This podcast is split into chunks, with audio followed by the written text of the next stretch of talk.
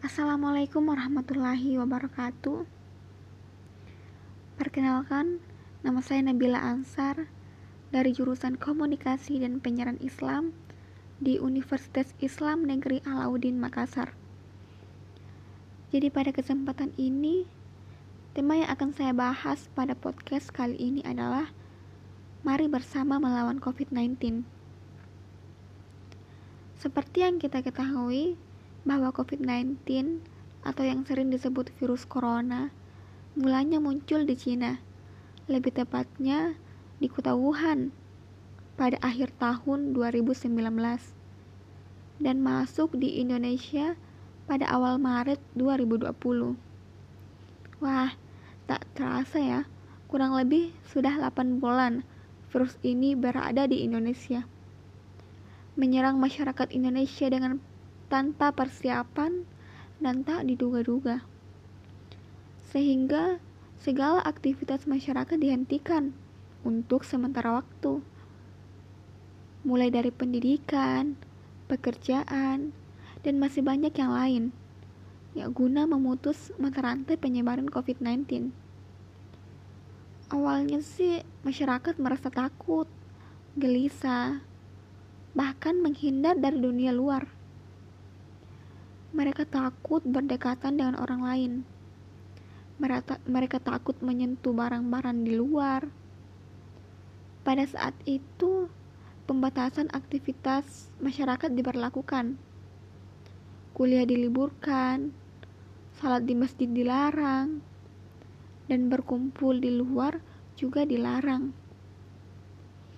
Itu adalah momen yang paling sedih yang saya rasakan.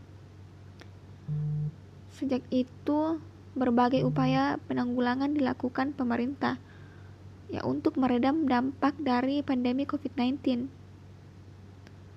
Penyebaran virus corona di negara memunculkan kekhawatiran terhadap dampak pada perekonomian.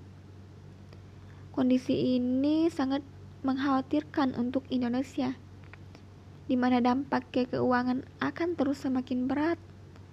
Bisa dilihat Faktanya, masyarakat banyak yang kehilangan pekerjaan dan membuat angka pengangguran semakin meningkat. Tentu, ini adalah kabar buruk bagi kita semua. Banyak masyarakat yang penghasilannya menurun drastis, sehingga dengan terpaksa mereka menutup tokonya. Yang saya paparkan tadi itu hanya sebagian dampak buruk yang bisa saya sebutkan. Masih banyak dampak-dampak dari virus corona ini. Untuk itu, mari kita meringankan beban pemerintah dengan tetap mematuhi protokol kesehatan. Harus tetap sabar dalam menghadapi kondisi ini. Mari bersama melawan virus ini agar masyarakat Indonesia aman, sehat, dan bisa menjalankan aktivitas seperti biasanya. Ingat, jangan lupa selalu memakai masker, jaga jarak, dan cuci tangan.